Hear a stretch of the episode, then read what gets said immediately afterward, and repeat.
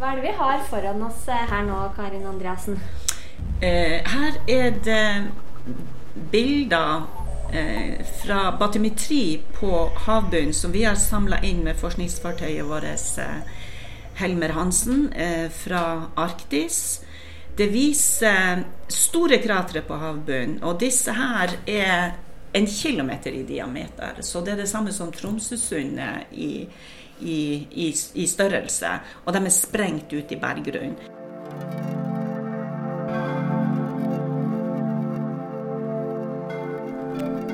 Et aktivt tema innen klimaforskning er om et varmere Arktis kan forårsake utslipp av metan. Metankrateret på havbunnen er et vondt forvarsel om en varmere klode. Det mener Karin Andreassen, som arbeider som professor i marine geofag ved UiT Norges arktiske universitet.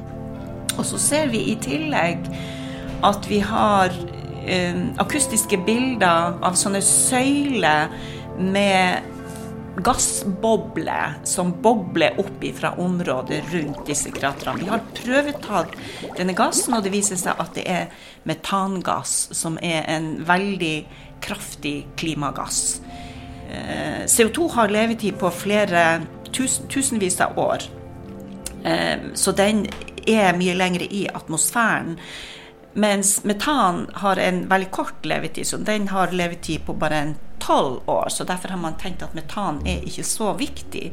Men samtidig så er den eh, på kort sikt mye kraftigere enn CO2. Hvis du ser på en periode på 100 år, så eh, metan eh, har et oppvarmingspotensial som er 28 ganger det som CO2 har. Hvis du går ned og ser på en periode på 20 år, så har metan et oppvarmingspotensial som er over 80 ganger kraftigere enn CO2. Så det betyr at eh, på lang sikt er den kanskje ikke så viktig, men på kort sikt så betyr det at den kan være veldig viktig med tanke på hvor raskt klimaendringen skjer.